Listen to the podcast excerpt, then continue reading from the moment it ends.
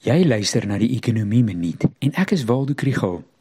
Statistieke Suid-Afrika se syfer wat sê dat meer as 2 miljoen huishoudings in 2021 honger gely het, is hierdie week weer in die media. Mense voel dadelik ons moet iets doen. Maar watter oplossings is daar vir hierdie probleem?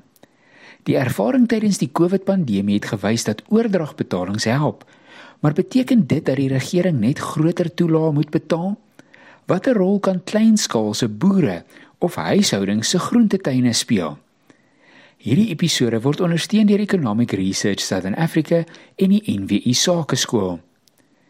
Ersa het 'n interessante beleidsartikel wat kyk na huishoudings wat op 'n hoofman se grond bly in die voormalige tuislande en wat met hulle voedselsekuriteit gebeur wanneer hulle die staat se ouderdomspensioen ontvang wanneer 'n huishouding wat nie op kleinskaal boer nie die pensioen ontvang, bestee hulle meer geld om kos te koop en hulle eet 'n groter verskeidenheid voedselgroepe. Hulle verbeter dus die gehalte van hulle dieet, maar die hoeveelheid wat hulle eet bly min of meer dieselfde en die mate waartoe hulle honger te ervaar bly onveranderd.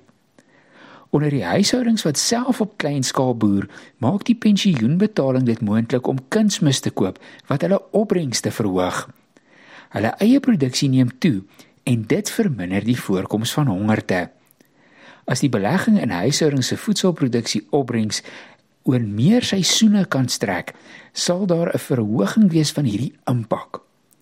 Nou is die uitdaging om te dink aan maniere om die belegging in kleinskaalse boere en hulle opbrengs te maak sonder om te wag vir die regering.